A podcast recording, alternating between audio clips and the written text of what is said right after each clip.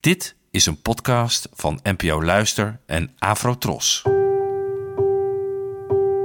Poëzie vandaag.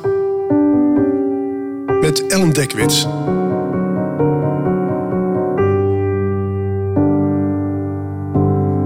Hallo, fijn dat je luistert.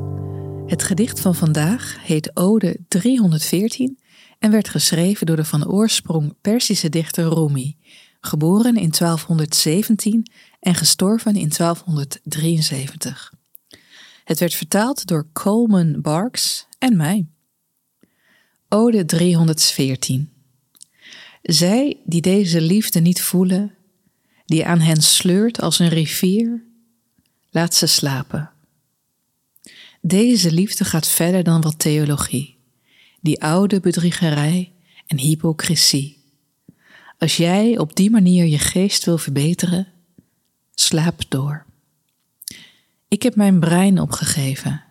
Ik heb het kleed aan stukken gescheurd en weggesmeten. Als je niet volledig naakt bent, wikkel jezelf in je mooie mantel van de woorden om je heen en slaap.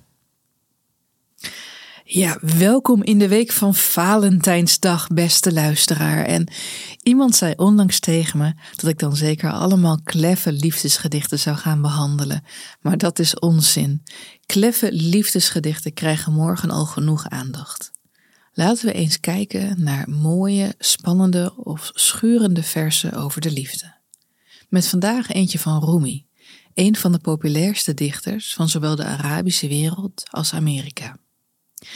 Rumi was een middeleeuwse Soefi-mysticus die naast een liefde en openheid predikte. En ook nog eens zeer erotische versen schreef en daarnaast fel gekant was tegen dogmatisme. In het gedicht dat je zo even hoorde komen al die zaken samen. Er wordt gesteld dat liefde voorbij gaat aan theoretiseren of aan te veel nadenken. Iedereen die niet wil weten wat de liefde echt is, mag volgens Rumi gewoon lekker doorslapen en daardoor van alles missen. Volgens Rumi moet je de rationaliteit van je afschudden. Dan pas voel je waar het in het leven echt om gaat. Niet voor niets schrijft hij: Ik heb mijn brein opgegeven.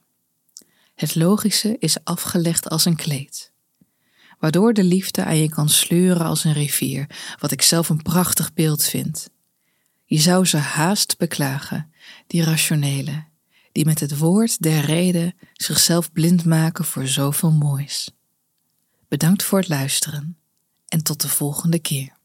Afro Tros, de omroep voor ons.